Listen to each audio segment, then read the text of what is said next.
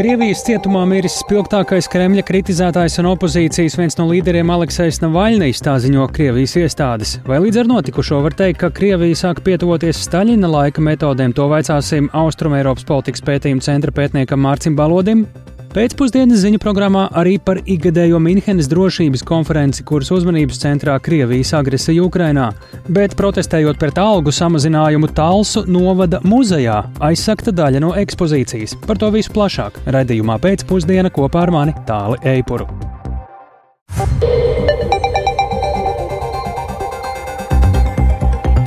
Pūkstens rāda 16,5 minūtes, skan pēcpusdienas ziņu programma, skaidrojot šodien svarīgus notikumus. Studijā Tāls Eipurs. Labdien! Ieslodzītais Krievijas opozīcijas līderis Aleksejs Navaļnīs ir miris. Tā šodien, atsaucoties uz Krievijas varas iestādēm, šodien paziņojas laikraksts Novai Gazeta Europe. Navaļņī līdzgaitnieki gan pagaidām oficiāli neapstiprina viņa nāvi. Tikmēr bijušais Navaļņī dibinātā fonda Cīņai pret korupciju advokāts norāda, ka politiķa nāvē vainojams tikai viens cilvēks - Krievijas diktators Vladimirs Putins. Turpina Rustams Šukūrovs. Krievijas varas iestāžu paziņojumā, uz kuru atsaucas Novaja Gazeta Europe, norādīts, ka Navaļņiem pēc pastaigas esot kļuvis slikti, un viņš zaudējis samaņu. Tika izsaukta neatliekamās medicīniskās palīdzības brigāde un veikti visi nepieciešamie reanimācijas pasākumi, taču tie nedeva pozitīvus rezultātus, un ārstiem nācies konstatēt Navaļnie nāvi. Navaļnie advokāts Leonīds Salavjovs sarunā ar laikrakstu paziņojis, ka saskaņā ar politiķa ģimenes lēmumu nekādus komentārus nesniegšot. Viņš vienīgi piebildis, ka advokāts Navaļniju apmeklējis trešdien un ka tad viss esot bijis kārtībā.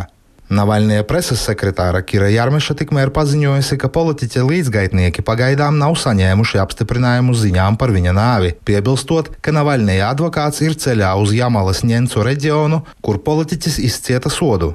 Tiklīdz mums būs kāda informācija, mēs par to ziņosim. Mikroblogošanas vietnē X paziņoja Jarmeša.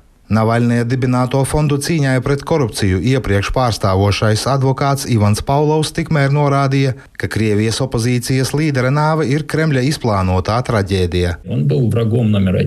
И э, режиму не удалось его сломать, э, они его Viņš bija ienaidnieks numur viens, un režīmam viņu neizdevās salauzt. Viņi viņu nogalināja. Iepriekš viņi mēģināja viņu nogalināt, taču tas neizdevās. Aleksējs bija spēcīgs cilvēks, taču viņi viņu nogalināja pilnīgi kontrolētā veidā. Ja esat politieslodzītais un atrodaties cietumā, pamatojoties uz politiskām apsūdzībām, tad jums tiks pievērsta īpaša uzmanība. Tas, kas tagad notika, Tā ir viena cilvēka vaina. Viņš par to ir atbildīgs. Šis cilvēks ir Putins. Navaļņiem nāves brīdī bija 47 gadi. Viņš tika aizturēts 2021. gada janvārī, atgriežoties no Vācijas, kur viņš ārstējās pēc Krievijas federālā drošības dienesta aģentu organizētā noindēšanas mēģinājuma. Tā paša gada februārī Navaļnijam tika piespriests divu ar pus gadu ilgs cietumsots par viņam 2014. gadā piespriestā nosacītā cietumsoda noteikumu šķietumu pārkāpšanu. Nākamā gada martā viņam piesprieda vēl deviņus gadus ieslodzījumā par krāpšanu un necieņu pret tiesu, bet 2023. gada augustā 19 gadu cietumsodu par ekstrēmismu. Rustams Šukurovs, Latvijas Rādio. Šobrīd pie radījuma pēcpusdienu klausulas austrumu Eiropas politikas pētījuma centra pētnieks Mārcis Balodis. Labdien! Labdien! Nu šeit lasām dažādos avotos dažādu cilvēku viedokļus, izskan frāzes Putins ir nogalinājis Navaļniju, Krievijas režīms nu jau pavisam pietuvojies Staļina laiku metodēm, pierādījums neierobežotam Krievijas režīma ļaunumam. Tas, diemžēl, jau bija paredzams. Skatīsimies, kāda reakcija sekos ielās pašā Krievijā. Paša Navaļnī pārstāvi saka, ka viņiem vēl nav apstiprinājuma. Advokāts, kā dzirdējām, devies ceļā. Nu, ļoti daudz šobrīd dažādu veidu, gan viedokļu, gan ziņu. Kā mums visu šo jūsuprāt uztvert? Un sāksim ar to daļu, kādu tiešu vai netiešu vēsti vai atgādinājumu mēs šādi esam saņēmuši par to, kas šodien ir Krievija. Um, šeit vēstījums no Krievijas un konkrēti no Kremļa ir, ir visskaidrākais, ka ir kādus um, režīmu oponentus, un ne tīpaši tos, kuri ir gana drosmīgi nepamest Krieviju, kuri ir gana drosmīgi um, stāties pretim Kremlim un kuri spēj mobilizēt sabiedrību, ka pret viņiem nekāda žēlastība izrādīta netiek un netiks arī turpmāk. Līdz ar to tas ir skaidrs signāls tiem, kas vēlas ja kādā veidā pretoties, ka Krievijā viņiem nav vietas un Kremlis ir gatavs faktiski izmantot jebkādus instrumentus, um, lai, lai mazinātu viņu ietekmi un gal galā, lai, lai no viņiem atbrīvotos vistiešākajā fiziskajā veidā. Par spīti šādam vēstījumam uh, uh, mēs uh, lasām arī, ka daudz apšaubu vai tas, ko šis, šis gadījums, šī traģēdija var kaut ko mainīt Krievijā, vai šobrīd ir iespējams, cik necik prognozēt, kādas sekas tam varētu būt Krievijas iekšienē, Navaļnī nāvei cietumā, daži apspiesti protesti un pēc tam klusums, vai arī tomēr šis var izrādīties krietni nopietnāks gadījums, vai arī vienkārši mēs šobrīd neko nevaram prognozēt? Uh, prognozēt, taisnība sakot, šobrīd ir sarežģīti, jo Krievijas sabiedrība kopumā runājot, uh, kopumā uzrāda uh, uh, vairāk tendence izvairīties no tādas atklātas uh, režīma provocēšanas. Tas, protams, neizslēdz kaut kā mazāka mēroga pretdarbību uh, režīmam.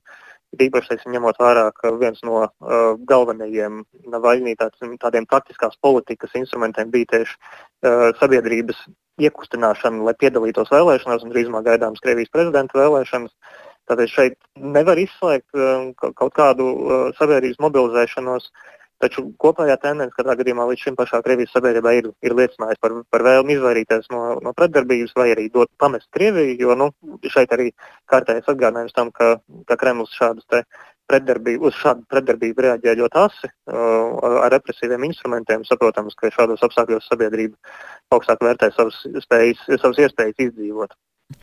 Lai arī pasaulē par šo neapšaubām demokrātiskajā pasaulē eh, veļas skaļš kritikas vilnis pār Krieviju, kas Krievijas režīmam saliekot, eh, ja vispār tā drīkst teikt, plusu un mīnus šajā visā ir vieglāks ceļš vai pieņemamāks ceļš Navaļnijas, kurš bija cietumā un dzīves, vai Navaļnijas, kurš šobrīd, kā izskatās, vairs nav?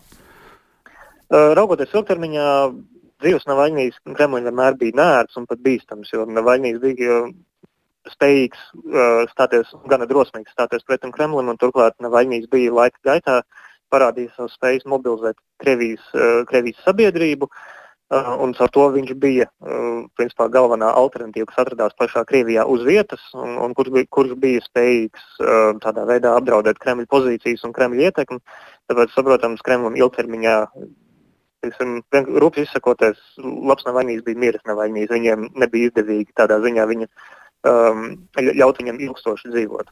Šeit arī tagad nevar izslēgt scenāriju, ka nu, tādā vidējā vai ilgākā termiņā, redzot arī Baškortostānas protestus, citus uh, protestus, nu, ka tas var vēl vairāk pagrīdē iedzīt dažādus Krievijas opozicionārus centienus iekšējos. Um, tas es, tādā ziņā raugoties. Um, Krievijas opozicionāri jau tā ir jau ilgstoši spiest reiķināties ar to, kā, kāda ir uh, režīma reakcija uz jebkādām viņa darbībām. Tieši tāpēc ļoti daudz um, Krievijas opozicionāri atrodas ārpus Krievijas robežām. Tie, kas paliek Krievijā, tie ir lielā mērā spiest darboties pagrīdē un tāpat reiķināties ar, ar aktīvu pretdarbību un ar riskiem dažādiem, tā skaitā fiziskiem. Uh, Tādā ziņā Navaļnī nav, jāsaka, arī nav gluži pārsteigums, jo ņemot vērā viņa nesekmīgo mēģinājumu uh, noindēt, tomēr bija sagaidāms, ka no cietuma uz brīvām kājām dzīves viņš visticamākais, no, tam noteikti uh, Putina valdīšanas laikā noteikti neiznākt. Līdz ar to uh, tas ir drīzāk kalpo kā kārtējs atgādinājums, taču tas nav būtiski, varbūt pat jauns pavērsiens mm, Kremļa rīcībā. Vēl pavisam īsi nobeigumā šis ir viens no nu, jau ļoti daudziem Krievijas smagiem uh, noziegumiem. Uh, tiešāk vai netiešāk Kremlis ir iesaistīts Navaļnīnāvē. Uh, kā šobrīd rietumiem vai vispār ir iespējams kaut ko ietekmēt, vai ņemot vērā jau tā milzīgo sankciju plašumu, tas kaut kādā veidā ir iedevis pietiekami brīvas rokas režīmam darīt jebko, jo Viņi jau ir sodīti. Um, tādā ziņā, ja mēs vēlamies šobrīd pretdarboties Kremlim, šeit gan instrumentu, gan arī iemeslu ir ārkārtīgi daudz. Saprotams, šis ir uh, teiksim, arī rietumvalstīs um, gana skaļš un gana plaši zināms uh, gadījums, kas, kas tam var piešķirt papildus impulsu, taču fundamentāli tas, um, tas, tas nepiešķir tam kaut kādu jaunu, jaunu spēku vai Jā. tas būtiski nemaina, esošos samērus. Lielas paldies par sarunu! Mārcis Balodas, Austrumēropas politikas pētījuma centra pētnieks, tātad atgādinām ieslodzītais Krievijas opozīcijas līderis Aleksējs Navaļņīs ir mīris, tā šodien pavēstījuši Krievijas varas iestādes. Navaļņī vārds šobrīd ir visu lielāko rietumu mediju pirmajos virsrakstos, un viņa nāves ziņa atbalsojusi arī Vācijas pilsētā Mīnhenē, kur tieši šodien oficiāli atklāta ilgadējā drošības konference. Tā jau 60. reizi pulcēja vairākus simtus valstu, valdību, vadītājus, ministrus starptautisku organizāciju līderus, augsta ranga aizsardzības jomas pārstāvjus, citas amatpersonas un plašāk par konferences norisi. Šobrīd mums ir gatavs pastāstīt Rihards Plūme, viņš pat laban ir Minhenē. Rihard, kāds noskaņojums valda konferencē, ņemot vērā visam jaunās ziņas par Krievijas opozicionāru Aleksēnu Navaļnī nāvi ieslodzījumu vietā? Jā, labdien! Nu, ziņas par Navaļnī nav, protams, nav palikušas nepamanītas un nesadzirdētas arī šeit, eh, arī to starp žurnālistu vidū dzirdams eh, par to tiek runāts. Un arī Greznajā viesnīcā konferences norises vietā sarunās tas tiek eh, plaši apspriests, protams, īpaši brīdī, kad, kad ziņas par to tikko parādījās, un žurnālisti atsevišķām amatpersonām arī eh, uzdod jautājumus par to. Un eh, NATO ģenerālsekretārs te konferencē žurnālistiem norādīja, ka Krievijai tagad esot jāatbild uz nopietniem jautājumiem, un arī Minhenes konferencē atrodas Kievas mērs Vitālijas Kličko. Varam paklausīties, kas savukārt viņam bija sakāms par notikušo. Navalny's dead. No. Navalnijas ir miris. Nē, Navaļnīs ir nogalināts, jo Krievijā jebkurš, kurš ir opozīcijas pārstāvis, tiek nogalināts. Tieši tāpat kā pirms dažiem gadiem ņemts un arī citi opozīcijas līderi tiek nogalināti vai nonāk cietumā. Tā ir īstā Krievijas autoritārā režīma un agresīvās politikas seja. Tādēļ mums ir jāaizsargā Ukraina un pasaule ir melna vai balta. Tu esi par karu vai mieru, par demokrātiju vai diktatūru. Tādēļ visiem ir jādara viss iespējamais, lai apturētu karu, atbalstītu Ukrainu un demokrātiju. Tas ir ļoti svarīgi.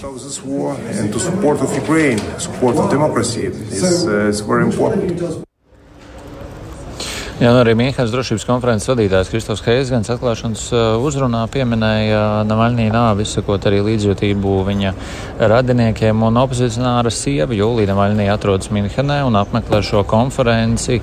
Un uh, burtiski pirms minūtēm piecām viņa arī negaidīt kāp uz lielās skatuves kā sākumā viņa atzina, esot domājusi, vai viņai ir jākāpj, nav jākāpj un par to jārunā.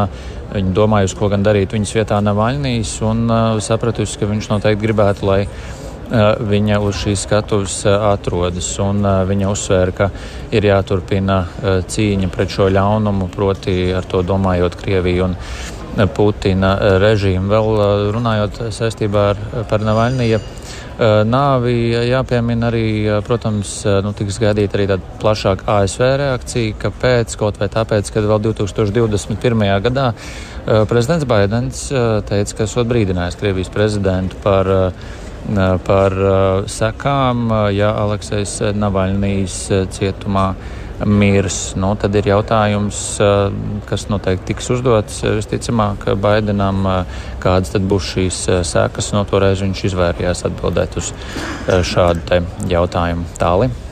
Jā, Rihard, atgriežamies pie Mīnhenes drošības konferences. Kas tad tur šobrīd, šogad ir uzmanības fokusā? Nu, atbild droši vien arī ir pietiekami skaidra Ukraina, tuvie austrumi, bet tu droši vien vari precīzāk izstāstīt. Jā, tu pareizi minēji, uzmanības fokusā pilnīgi noteikti turpina būt Ukraina, gaidot lielāku un ātrāku palīdzību no rietumiem, īpaši jau no ASV, kur kongress aizvien nespēja vienoties par palīdzību. Uh, nu, tikmēr Eiropieši, kuriem šeit ir ieradušies vairāk Eiropas Savienības komisāri, var palielīties ar spēju pieņemt uh, būtiskus lēmumus uh, par šo šiem 50 miljardiem, kas ir pieņemti Ukraiņas atbalstam. Un rīt šeit paredzēta arī Ukraiņas prezidenta Valdemira Zelenska dalība konferencē, kurš pēdējo reizi te klātienē bija tieši pirms Krievijas atkārtotā iebrukumu Ukrainā. Pirms tam viņš arī Parīzē un Berlīnē paraksta vienošanās par atbalstu Ukrainai. Bet Ukrainas tematam par uzmanību ir jācīnās ar tuvijos austrumos notiekošo karš Gazas joslā. Tas arī ļoti aktuāls temats šeit, par ko liecina arī Izraels un palestīniešu, kā arī citu tuvo austrumu amatpersonu dalība šeit konferencē. Paklausīsimies, kas bija sakāms konferences vietājiem Kristofam Heisganam tās ievadā. Many of these challenges are man made. Daudzi no šiem izaicinājumiem ir cilvēka radīti, kas nozīmē, ka vīrieši un sievietes tos var arī mainīt. Izmantosim šo jubilejas konferenci, lai diskutētu un spērtu soļus uz priekšu. Mierīgas nākotnes pamats var būt tikai likuma vara un saimnieciskums, nevis atriebība. Tas ir tas, kas ļāva manai valstī atkopties no otrā pasaules kara. Tas ir tas, kas ļāva Rietumē Eiropai izbaudīt tās ilgāko miera periodu. Un tas ir tas, ko pasaules līderi vēlējās, kad izveidoja ANO, lēma par ANO statūtiem un ANO vispārējo cilvēktiesību deklarāciju. Vai nu izdzīvosim pateicoties likuma varas spēkam, vai visi tiksim nolemti spēcīgākā likuma priekšā.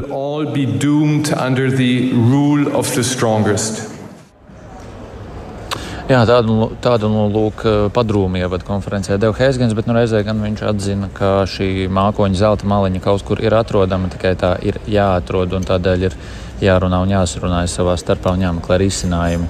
Bet vēl jāmin, ka šeit Minhenē ir arī liela amerikāņu delegācija ar viceprezidentu un valsts sekretāru priekšgalā, un viņiem priekšā ir smags uzdevums kliedēt bažas Eiropiešos par ASV lomu pasaulē.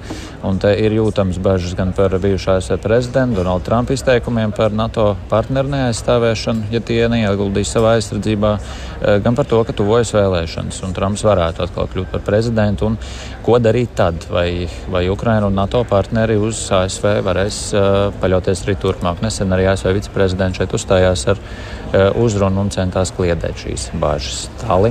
Jā, Kamala Haris, viena no augstākajiem dalībniekiem, augstākā līmeņa šajā konferencē. Paldies, sakām Rihardam Plūmēm. Turpināsim gaidīt ziņas no Minhenes drošības konferences, bet atgriežoties šeit Latvijā, Talsu. Uh, novada muzejā, protestējot pret algu un darbinieku skaita samazinājumu aizsardz daļu no ekspozīcijas, bet Rīgas otro slimnīcu gaida pamatīga pārbūve un var iepazīties ar metu konkursu darbiem. Šie un citi temati raidījumi pēcpusdienu turpinājumā.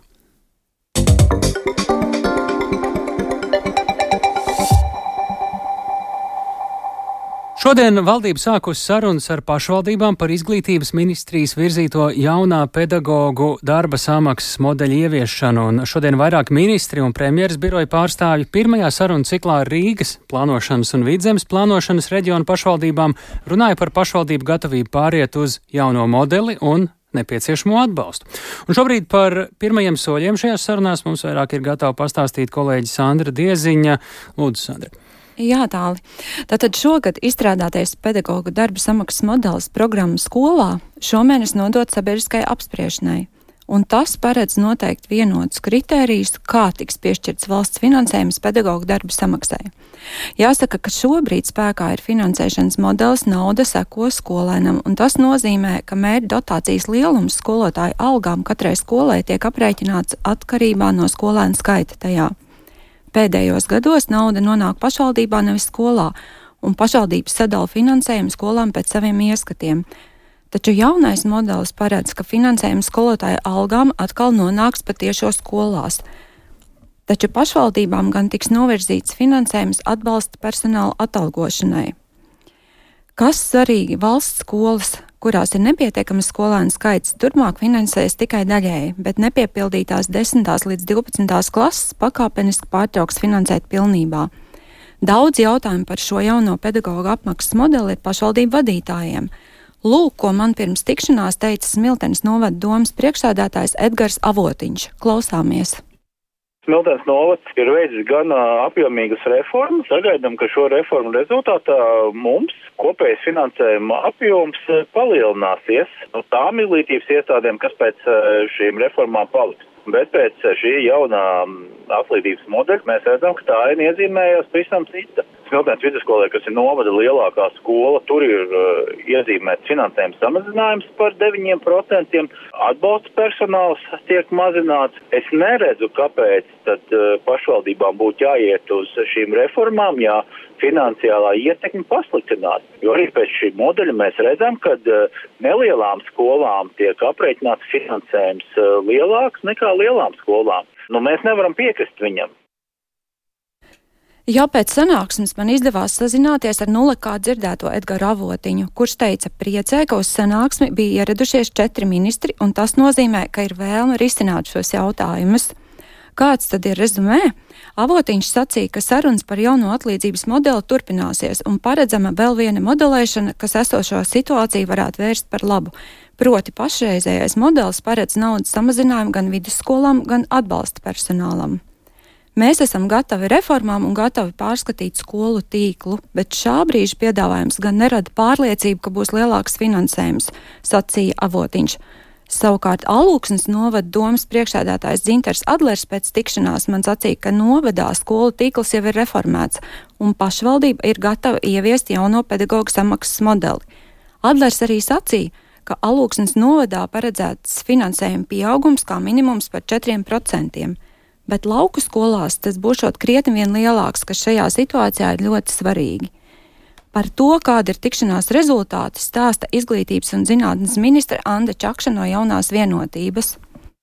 Tāds ļoti pozitīvs nospiedums, jo tā pirmo reizi, laikam, tādā ilgākā laika posmā pašvaldībām bija iespēja tikties ar tik daudz ministriem vienlaikus, un kas labā lieta nevis vai tas ir nepieciešams, bet kā nonākt līdz tādai labai skolu ekosistēmai. Un tā diskusija, es teiktu, bija vairāk par to, kādi atbalsta mehānismi un investīcijas pašvaldībām būtu vajadzīgas un kā mēs tālāk tad virzamies, lai nonāktu līdz šim gala rezultātam. Tātad, ja mēs runājam par pierīgu, tad mēs redzam, ka ir ļoti liels bērnu skaita pieaugums un ir nepieciešams jaunas skolas. Ja mēs runājam teiksim, par reģionu, tad vairāk ir runa par pārvadājumiem, kā nodrošināt labu satikmi. Vienlaikus ir skaidrs, ka daļa, daļa infrastruktūras ir nu, no diezgan seniem laikiem, un, un ja ir šādi infrastruktūras ierobežojumi, tad ir jāparedz arī investīcijas, lai varētu būvēt jaunas skolas. Jā, nākamnedēļ plānotas diskusijas ar pārējiem reģioniem, un pēc tam varētu sekot izmaiņas izglītības likumā, lai tās pašvaldības, kas veikušas mājas darbu, par skolu ekosistēmām varētu jau ieviest jauno finansēšanas modeli. Viens no spēlētājiem, kas gaidīja šīs pārmaiņas, lai skolotājiem būtu lielākas algas, pedagogiem arotbiedrība, ko viņi par šo visu saka? Jā, tā Latvijas izglītības un zinātnes darbinieku arotbiedrība jau ir izvērtējusi ministrijas izstrādāto pedagoģu darba samaksas finansēšanas modeli un vērš uzmanību uz vairākiem problemātiskiem jautājumiem. Uh, Tostarp, ko ietvers ministrijas līgums ar pašvaldībām. Un, lai runātu par šo jauno darba samaksas modeli, arotbiedrība nākamnedēļ 21. februārī rīkos ārkārtas sanāksmi, aicinot uz sarunu nozars ministri un sadarbības partnerus. Paldies! Mēs sakām Sandrai Dieziņai tik tālu par skolu reformu, atalgojumu reformu.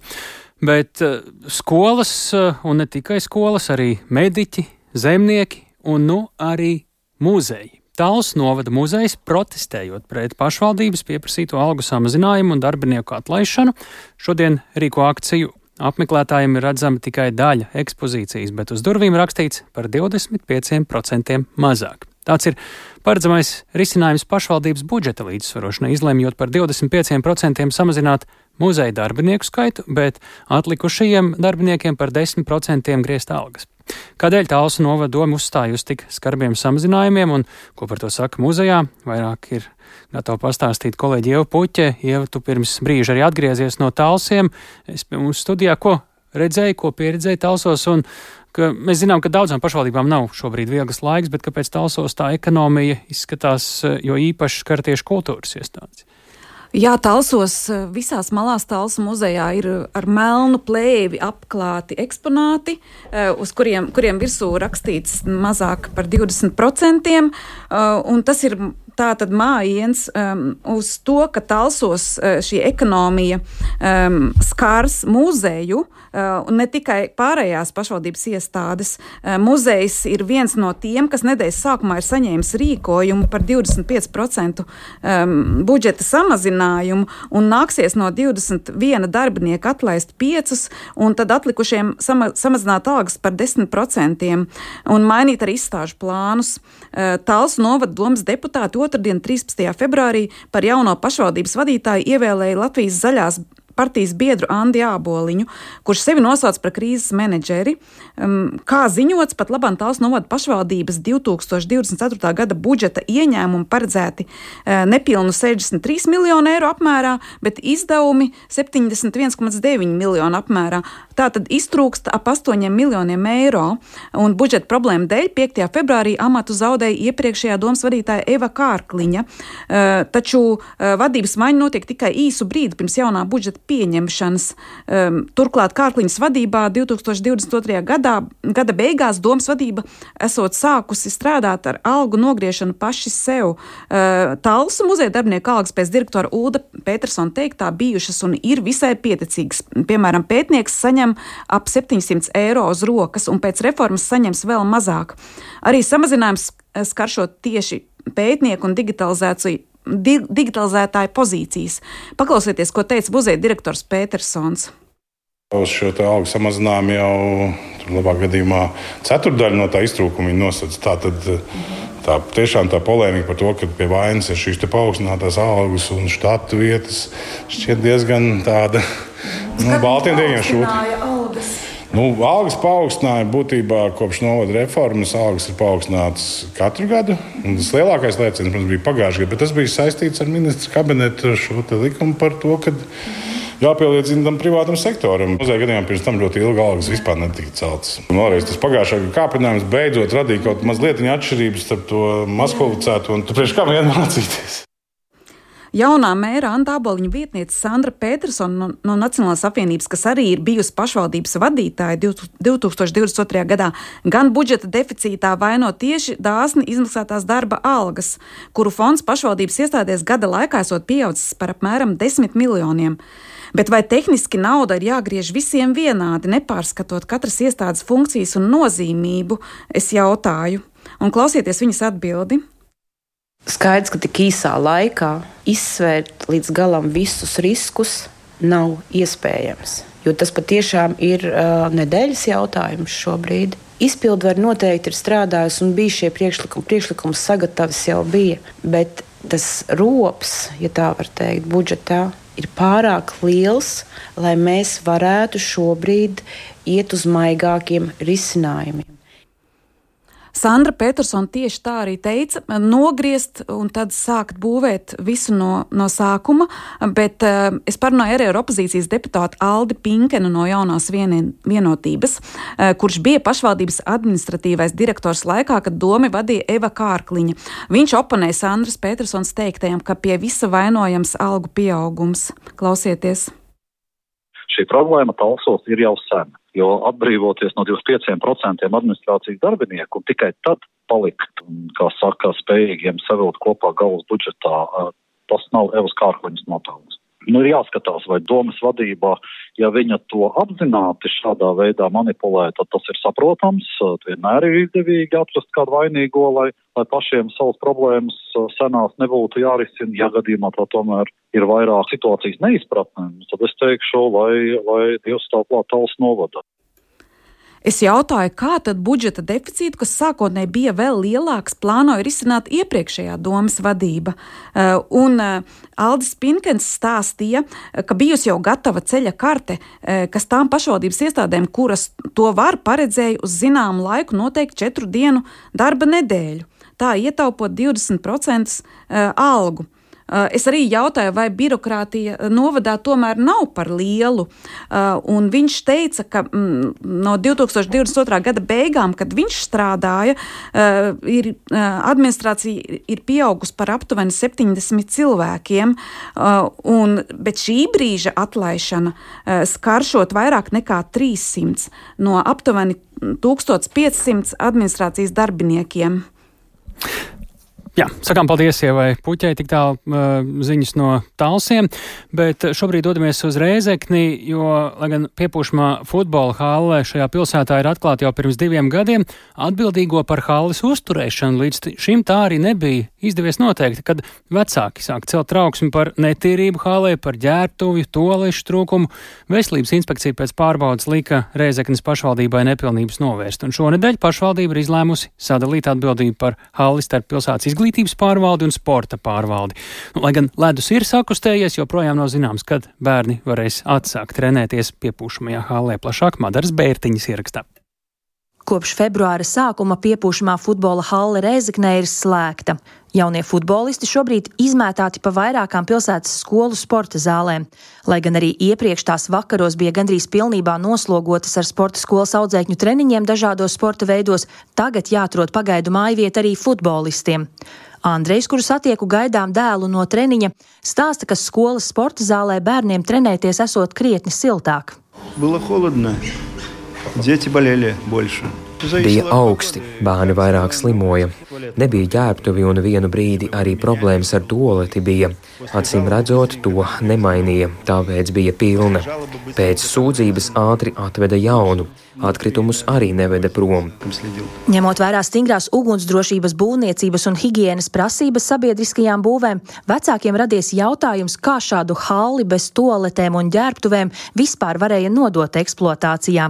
Reizeknas būvvaldes vadītājs vietnieks Imants Gaiduļs skaidro, futbola halli drīzāk uzskatāma par piepūšamo konstrukciju, nevis būvi.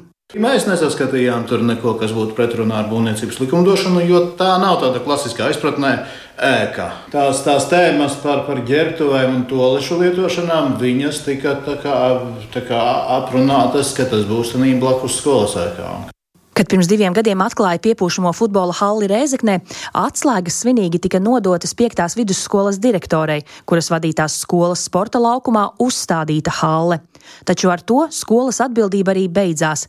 Nekādu lietošanas instrukciju vai rīkojumu par uzturēšanu un iekārtu apkopi skola neseņēma. Sporta pārvalde un izglītības pārvalde līdz šim atbildību par piepūšamo hali kā futbola bumbu mētāja cita citai. Pēc veselības inspekcijas aizrādījumiem 13. februārī Reizeknas pašvaldība apstiprināja rīkojumu par atbildīgajiem. Turpmāk izglītības pārvalde būs atbildīga par apsaimniekošanu, sporta pārvalde par treniņu un sacensību rīkošanu hallē. Savukārt pilsētvidas un attīstības pārvalde būs atbildīga par to, lai halli savestu līdz galam kārtībā. Turpina pašvaldības pārstāve Nataļa Jupatova. Plānots nodrošināt mobilās konteineru tipa ģērbtuves un labiericības.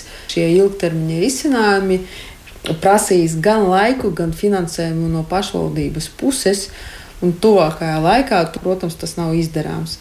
Interesanti, ka 2021. gadā, vairākus mēnešus pirms Halles atklāšanas, noslēgtajā sadarbības līgumā starp Latvijas Futbola Federāciju un pašvaldību, minēts punkts, kurā pašvaldība tuvākajā laikā apņemas nodrošināt apkārtnes labiekārtošanu, teritorijas nožogojumu un ģērbtuvju izbūvi.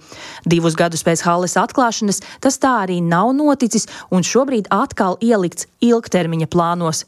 Tikmēr īstermiņa risinājums būs ģērbtuju un labierīcību izmantošana 5. vidusskolā, kā arī atbildīgās personas pieņemšana darbā, pastāstīja Natāļa Jupatova. Plānots izveidot jaunu štata vietu ēkas uzraugs, kas no tad, tā, lai halas funkcionēšana regulāri tiktu uzraudzīta un notiktu visi procesi. Ņemot vērā Reizeknas finansiālo situāciju, pagaidām nav skaidrs, vai pilsēta to varēs atļauties. Jāņem vērā, piepūšamā hala nav lēts prieks. 2023. gadā tās uzturēšana izmaksāja 96 tūkstošus eiro, Halle darbu varēs atstākt, kad veselības inspekcija būs saņēmusi apstiprinājumu, ka visi pārkāpumi ir novērsti un ir arī ēkas uzraugs. Tajā pašā laikā šis ir vēl viens stāsts par nosodījumu, ko saņem trauksmes cēlāji. Vēstuli veselības inspekcijai parakstīja 53 no aptuveni 400 vecākiem, kuru bērni spēlē futbolu. Daudzi vecāki vēstuli neatbalstīja un pauda sašutumu, ka nav jau bijis nemaz tik traki un labāk būtu turpinājuši tā, kā bija, lai vispār būtu kur trenēties. Madara Bērtiņa, Latvijas radio studija Latgalē. Bet nu par Rīgu.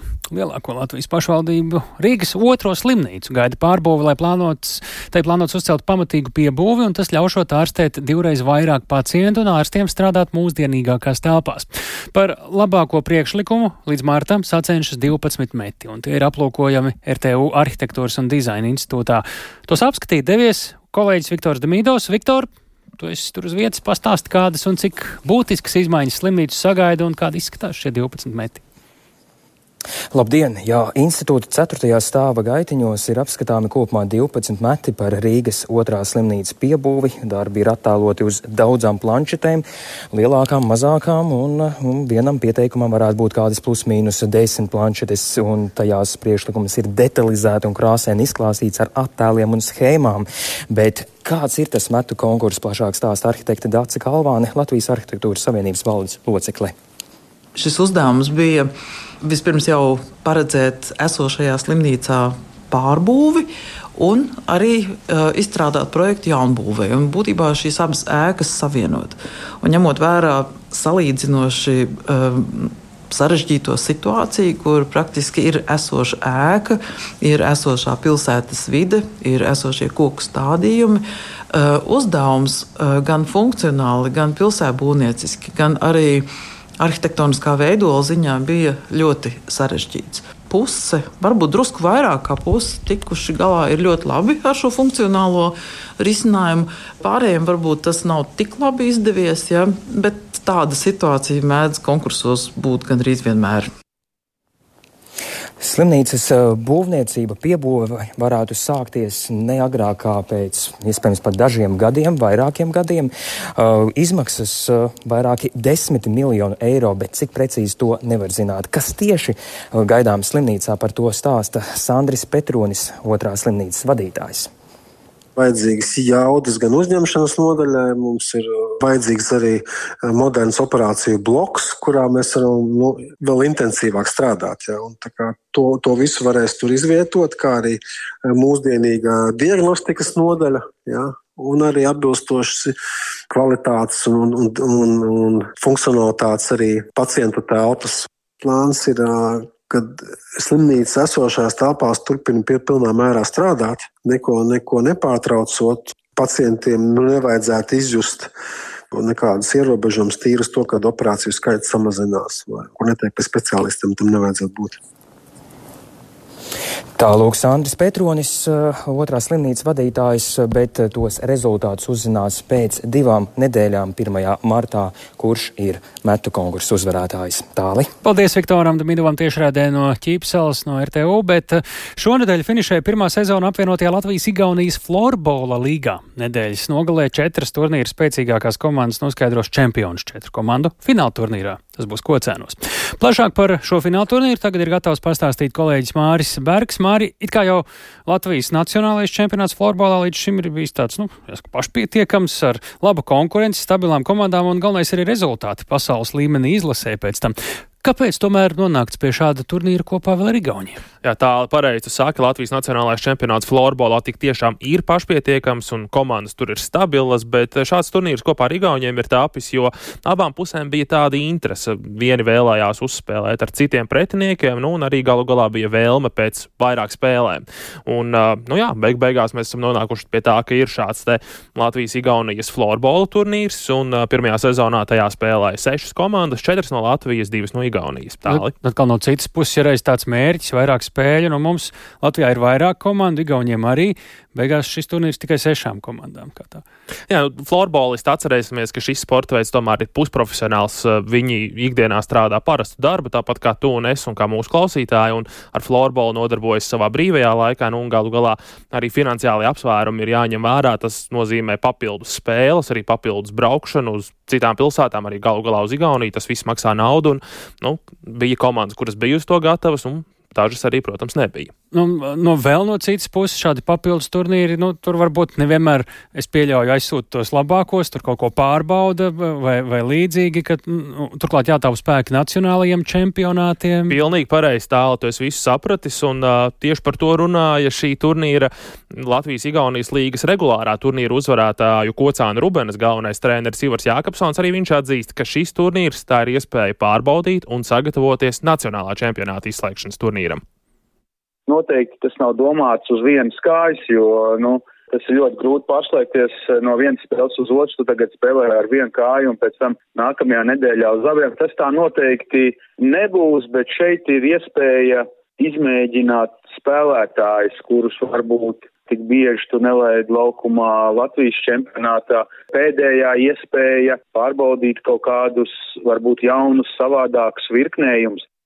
Jā, nu un līdzīgu viedokli pauž arī Cēsu Lekringa galvenais treneris, kādreiz Latvijas izlases florbolists Andris Malkaus pēdējā iespēja pārbaudīt dažādus presiņus, dažādus mazākuma zīmējumus, paeksperimentu vairākumu pa lielam. Un, protams, sportiskais vienmēr, kā jau sportistiem ir iekšā, asinīs ir uzvarēt, jā, bet eh, tomēr eh, tas ne, neliksim pāri visam. Un, eh, jā, tomēr jā, jāsaprot, ka pēc nedēļas būs galvenais turnīrs projekts Latvijas čempionātā, līdz ar to eksperimentēsim, tas būtu īstais vārds, ja, bet tomēr atcerēsimies arī, ka gribam uh, sasniegt kaut ko. Tā ko cenu cēsu treneri, bet Māri mums tomēr ir arī konkrētāk par pašu jau reālo konkrēto šīs nedēļas turnīru jāatgādina. Tātad četras komandas fināla turnīrs Latvijas, Igaunijas, kas tur spēlēs, kāda ir izpildes sistēma? Jā, nu tātad no Latvijas klubiem, kā jau dzirdējām, startēs Kocāna Rubene, arī Cēsu Lekrings un pagājušā gada Latvijas čempiona Lielvārdas komanda. Savukārt Igaunijas pārstāv viens klubs Sparta tīm izspēles sistēma diezgan vienkārša, proti divi pusfināli. Latvijas florbola vēsturiski senāko klubu duelī spēlēs Rubene ar Cēsu Lekringu, un otrajā pusfinālā Lielvārde pret Spārta tīmu. Pēc tam atkal viss vienkārši uzvarētāji spēlē par čempionu titulu, pusfināla zaudētāji par trešo vietu. Paldies, Mārtiņ! Viss vienkārši un interesanti florbolā un dinamiski pavisam noteikti šis sporta veids. Bet mēs sakām paldies, ka jūs šodien klausījāties ziņu radījumu pēcpusdienu. To veidojām mēs Tālis Eipurs, Lauris Zvejnieks, Kaspars Groskops, Katrīna Bramberga. Un, ja vēlties šo pārraidi klausīties sevērtā laikā un ierīcē, meklējiet lietotni Latvijas radio mobilo lietotni un dienas ziņas. Mēs tiekamies kā katru darba dienu, tas nozīmē pirmdien pēc ziņām 4 un 5 minūtēs. Thank you.